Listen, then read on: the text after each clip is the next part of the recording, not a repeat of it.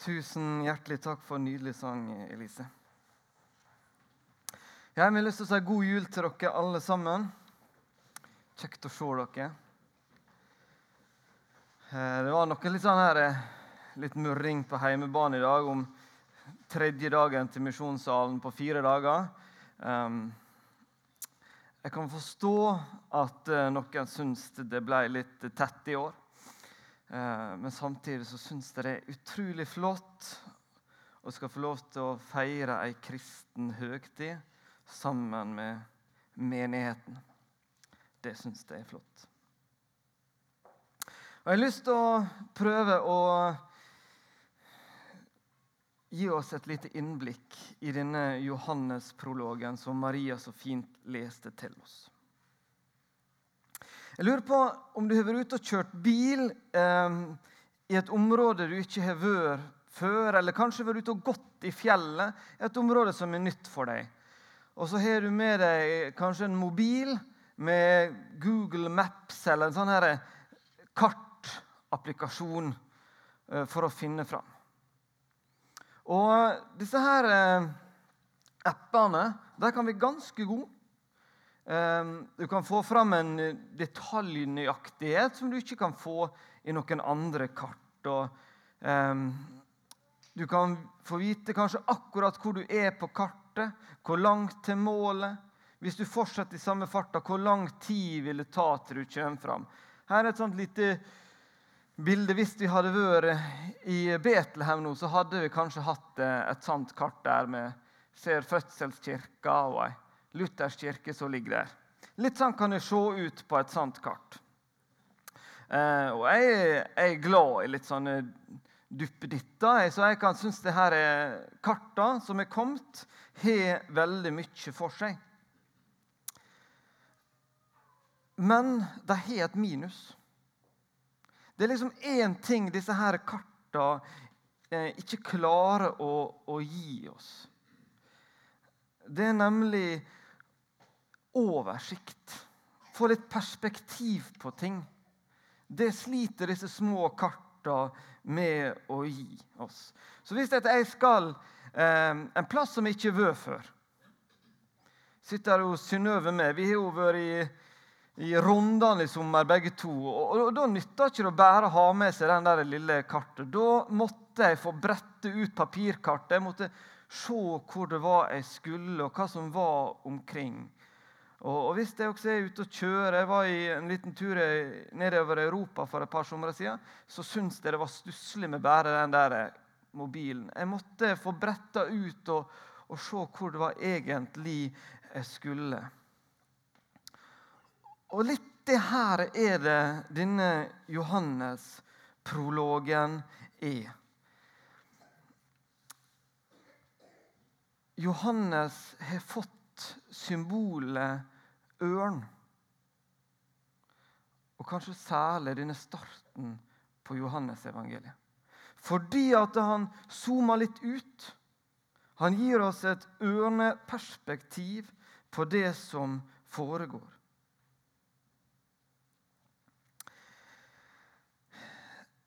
Det var kanskje en gang rundt århundre. Mest sannsynligvis i byen Efesus vi ser det på, på kartet. Dere kan se en liten prikk ganske nøyaktig midt på kartet der. At eh, Johannes satt. Eh, vi vet at Johannes var ganske lenge igjen i Jerusalem. Eh, vi kan lese i apostelgjerningene at i år 49, når de hadde et viktig møte der, så var han en av lederne i menigheten. Så vi vet at Johannes var ganske lenge der. Men så måtte noe ha skjedd. Kanskje forfølgelse. Iallfall så blir Johannes må han reise derifra. Um, og etter hvert havna på øya Patmos, som ligger bare rett ut i Egerhavet egentlig, for Efesos. Bitte litt lenger sør. Der var han og bl.a. fikk disse synene til å skrive Johannes' åpenbaring. Og etter det så kommer han inn til Efesos. Det skjer en, det skjer en eh, skifte av keiser i, eh, helt på slutten av, av 90-tallet. der. Og De tenker kanskje at rundt da kom Johannes til Efesos. Eh, og så blir han der i menigheten en del år. Og Kanskje var det undervisninga, utfordringa i undervisninga der som gjorde at eh, Johannes så at her trenger jeg et litt annet perspektiv på det. Er det noe som disse folka som jeg omgår nå, kanskje syns er litt vanskelig å forstå? Han traff nok mange som ikke hadde en jødisk bakgrunn. Og så skriver Johannes evangeliet sitt um, som altså har en litt annen vinkling, litt annet perspektiv, hjelper oss til å forstå mer sammenhengen. For i motsetning til uh, de andre evangeliene som setter fokus på Jesu ettertavle eller møtet mellom Maria og Gabriel, så starta Johannes helt annerledes. Med 'I begynnelsen var Ordet', Ordet var hos Gud, og ordet var Gud. Han var i begynnelsen hos Gud. Alt er blitt til ved Han, og uten Han er ikke noe blitt til. Vi ser en start som er ganske mye til felles med, med, med det vi finner i første Mosebok 1. Første Mosebok 1, 26, så står det La oss lage mennesket i vårt bilde, så det ligner oss. Johannes ønsker å trekke dette her sammen. Ønsker å gi et perspektiv. Ønsker å vise at Jesus han var ikke noe som kom til på julenatt. Jesus han er vært med fra starten av. Jesus er vært hos Gud. Jesus var Gud. Det var viktig for han å få fram. Og Så er det en annen ting. Jeg sa noe om at eh, Johannes nå hadde nok truffet en del som ikke var jøder. Ikke kristne. Nei, ikke eh, ja, mennesker som hadde blitt kristne. Eh, hedningekristne, som vi kaller dem. Som han hadde møtt der i Efesos. I tillegg så hadde han nok sett eh, en del grekere og deres tru. Eh, Efesus var en viktig handelsby. Det var mye som skjedde der.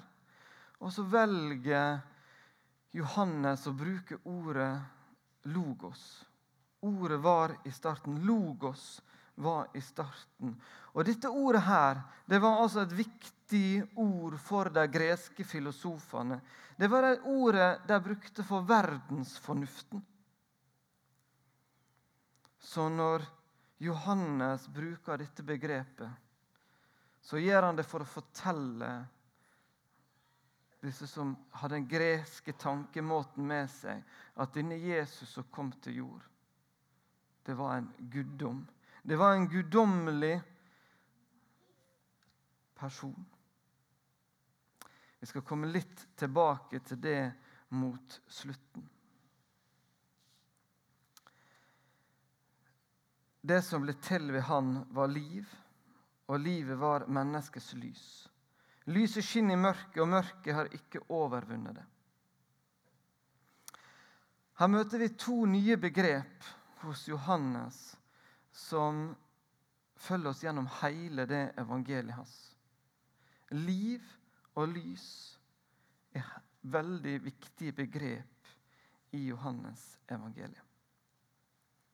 Og Når vi leser litt videre, så skjønner vi det at når Johannes bruker liv, så ønsker han å formidle to ting. Han ønsker tydelig å få fram at det å ta imot Jesus, det å ta imot det evige liv Å ta imot et liv etter vår død her på jord At vi skal få leve i himmelen hos Gud. Men samtidig så viser han også en del plasser at når Johannes snakker om liv, så er han også opptatt av livet på denne jord. Det er en frelse som starter når vi tar imot Jesus, og som varer inn i evigheten. Jeg syns Det er litt viktig å få fram. Det er kanskje et område der vi kristne har gått litt fra, fra en ytterkant til en annen. Vi kan se det på en del av sangene, en del eldre sanger som vi har. Kanskje skrevet av mennesker som hadde det vanskelig. Vi vet at vi har en del sanger skrevet av slaver, der vi ser en veldig lengt etter å komme til himmelen og være hos Gud. Kanskje lite eh, blir sunget om livet her på jorda. Så vil en del mene at kanskje kristne i dag har overkant mye fokus på denne jord. Vi er blitt så glad i livet her at vi nærmest glemmer det som skal komme. Men Johannes ønsker å løfte fram begge deler. Jeg husker fortsatt når jeg drev og studerte litt det her, og en del lærere snakka om denne, denne dualismen nå, men ennå ikke.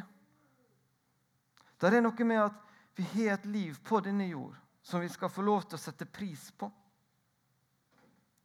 Et liv som Jesus vil leve sammen med oss her, som skal få prege oss her på denne jord. Men så, så ligger det også noe at dette først skal bli fullkomment den dagen vi skal få komme fram til Han, hjem til Gud i himmelen. Og Begrepet lys er noe som Johannes henter fra Det gamle testamentet, bl.a. fra, fra salmene. Lyset, det skal vise vei for oss mennesker.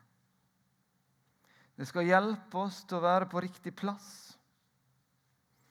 Og så skal det avsløre mørket. Jesus dette lyset det skal få åpenbare noen viktige sannheter om oss mennesker. Det skal vise at vi trenger en Gud. Vi trenger tilgivelse for våre synder. Og så skal det vise oss at det vi trenger, det finner vi i Gud. Lyset skinner i mørket, og mørket har ikke overvunnet det.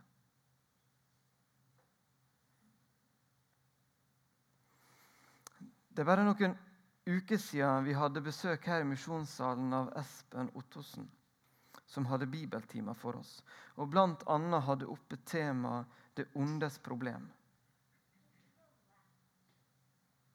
Det er noe med dette lyset som faktisk hjelper oss til også å forstå det. Nå tok Espen det mye mer grundig da han var her. Men Johannes viser oss at dette lyset Guds ord. Det var der fra begynnelsen av. Var med og skapte vår verden. En god verden. Men så kom det vonde, ondskapen, mørket, inn i vår verden.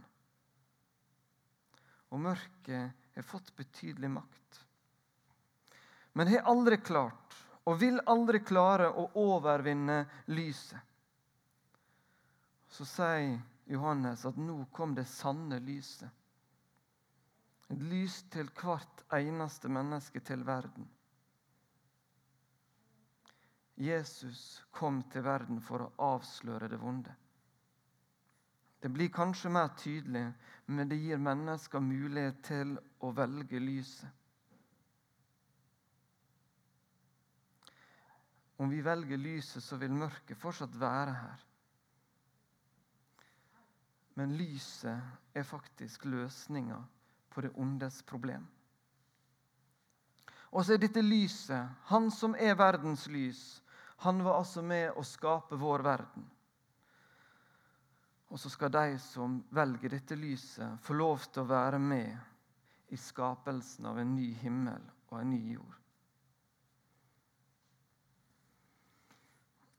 Odd Sverre Hove skriver en kommentar at han mener dette er høydepunktet i denne Johannes-prologen. Nettopp det at det kom et lys som er ubeseira av det mørke. Som aldri blir overvunnet av det mørke. Et lys som seirer. Den kinesiske filosofen Konfusius har sagt at det er bedre å tenne et lys enn å forbanne mørket. Og Jeg tror at det ligger noe viktig i det. Jeg tror noe av det Johannes også vil ha fram. Mørket er her i verden så lenge vi er her. Men lyset er kommet. Lyset som ønsker å skinne for mennesker. Lyset som ønsker å ta bolig og være i oss mennesker. Og det er dette lyset som kan tenne håp, og som gjør at mørket må gå tilbake. Så vi skal få lov til å være med og tenne lys. Et lys som kan trenge vekk mørket. Jeg syns det var veldig flott her for en drøy måned siden å være med og gå fakkeltog for forfulgte kristne ute i byen. Tenne et lys for de som har det vanskelig her i verden. Og arrangøren åpner, dø åpner dører. De forteller at de får få videreformidla om alle disse som gikk med fakler på Mørekysten og i alle andre byer i vårt langstrakte land. Og det gir lys og trøst og håp for de som har det ekstra vanskelig i vår verden.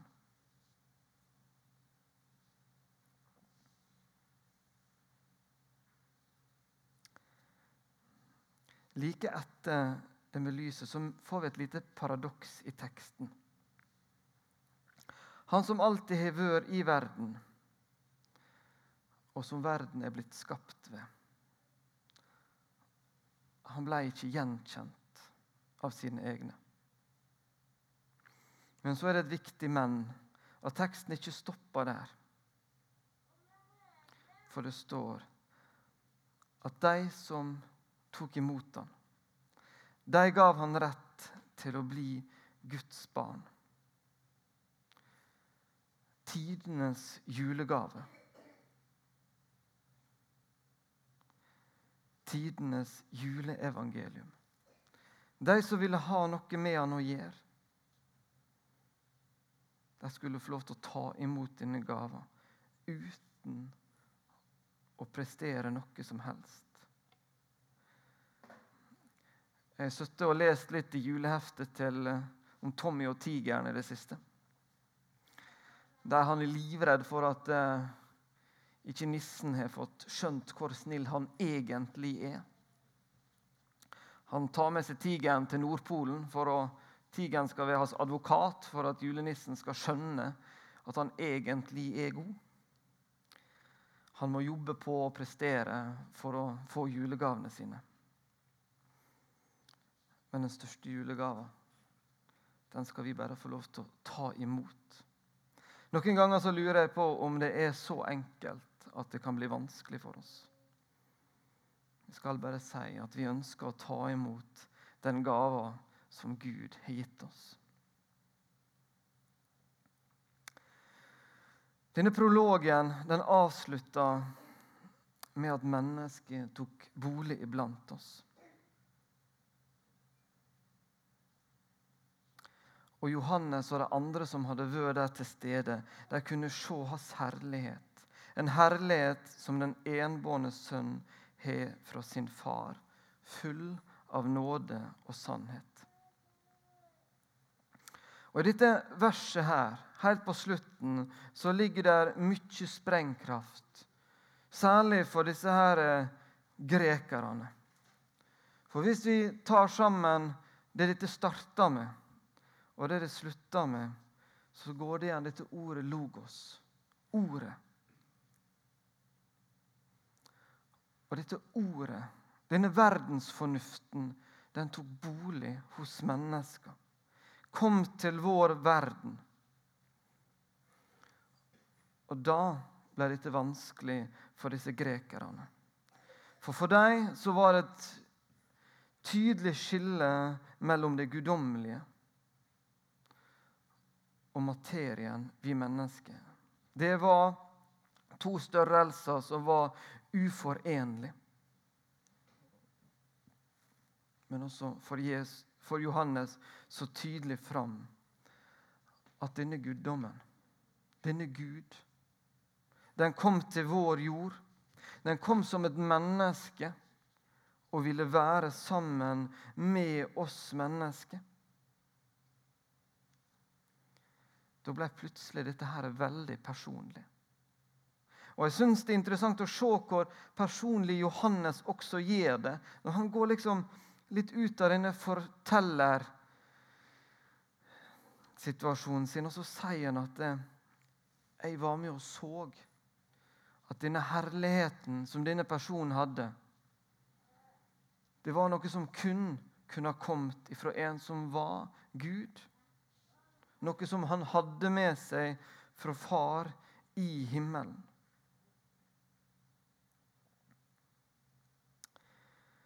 Så jeg tenker at eh, denne prologen er med på å liksom brette ut kartet for oss. Så kan vi få se Jesus som står der med hele verden i hendene. Så sier han at 'jeg har vært her fra starten av'. Jeg har vært med og skapt denne verden. Jeg har vært med på alt. Og at jeg var hos Gud. Jeg er Gud.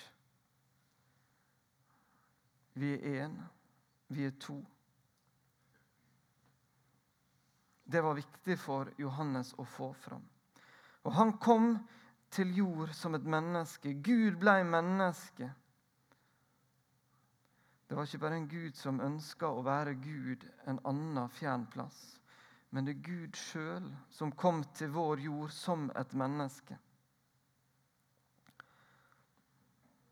Han kom til verden. Og Selv om det var mange som ikke forsto hvem han var, som ikke tok han imot,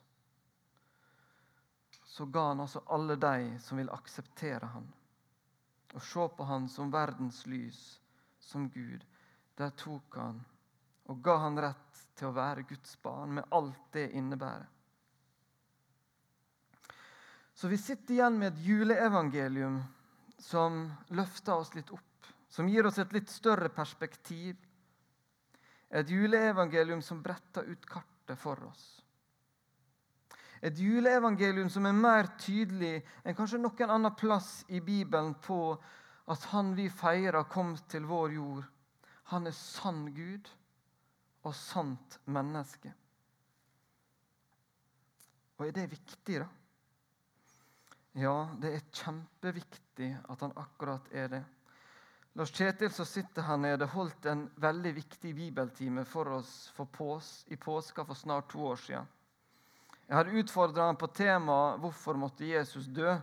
Så kommer Lars Kjetil og har gjort helt om på det og sier 'Hvorfor måtte Jesus dø?' Men det var en kjempeflott bibeltime der han hjelpte oss til å forstå hvor viktig det var og at det var kun slik det kunne gå til at en sann Gud kom til jord som et sant menneske, døde på korset for alle våre synder. Det er en sann Gud som kan ønske oss velkommen til et liv sammen med seg.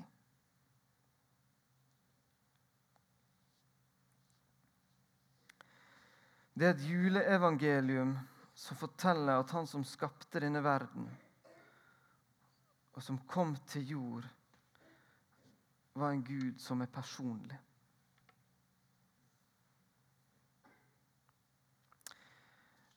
Datamerket, eller teknologimerket HP, kom her med et, for et par år siden med et slagord HP, 'The computer is personal again'. Datamaskinen har blitt personlig igjen, sa de. Men det er ikke så veldig spesielt at noe som er laga av menneske for menneske, blir litt personlig. Men det var altså et sjokk for lille Asia at Gud kunne bli personlig. At vi kunne få en Gud som kom til vår jord, som kjenner oss ved navn som har skapt oss, som vi har med oss å gjøre, som bryr seg om oss akkurat nå, hvordan vi har det. Og Johannes kan kunne si at 'jeg har vært sammen med han'. Jeg har fått testa dette her. Jeg har fått oppleve det, og jeg veit at det er sant.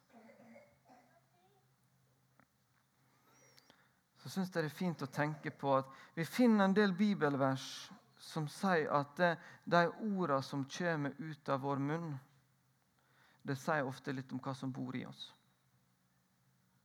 Våre ord viser hvem vi er. Det er ikke alltid så fint når det gjelder oss mennesker. Men det samme er det med Gud.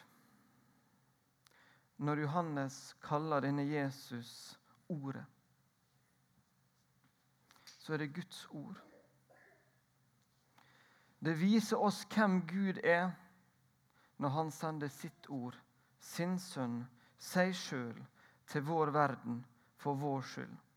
For å vise oss hvem han er.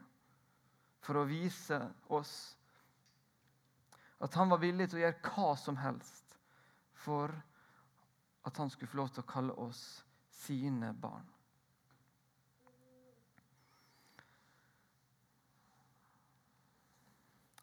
Så min lille hilsen til deg i dag Bare prøv å hjelpe oss til å forstå litt mer av det som skjedde i jula for drøye 2000 år siden. Var at det skulle, det skulle komme et liv og et lys inn i ditt liv. Et liv og et lys som er gitt av Gud sjøl et liv og et lys som har mulighet til å forandre ditt liv fullstendig. Amen.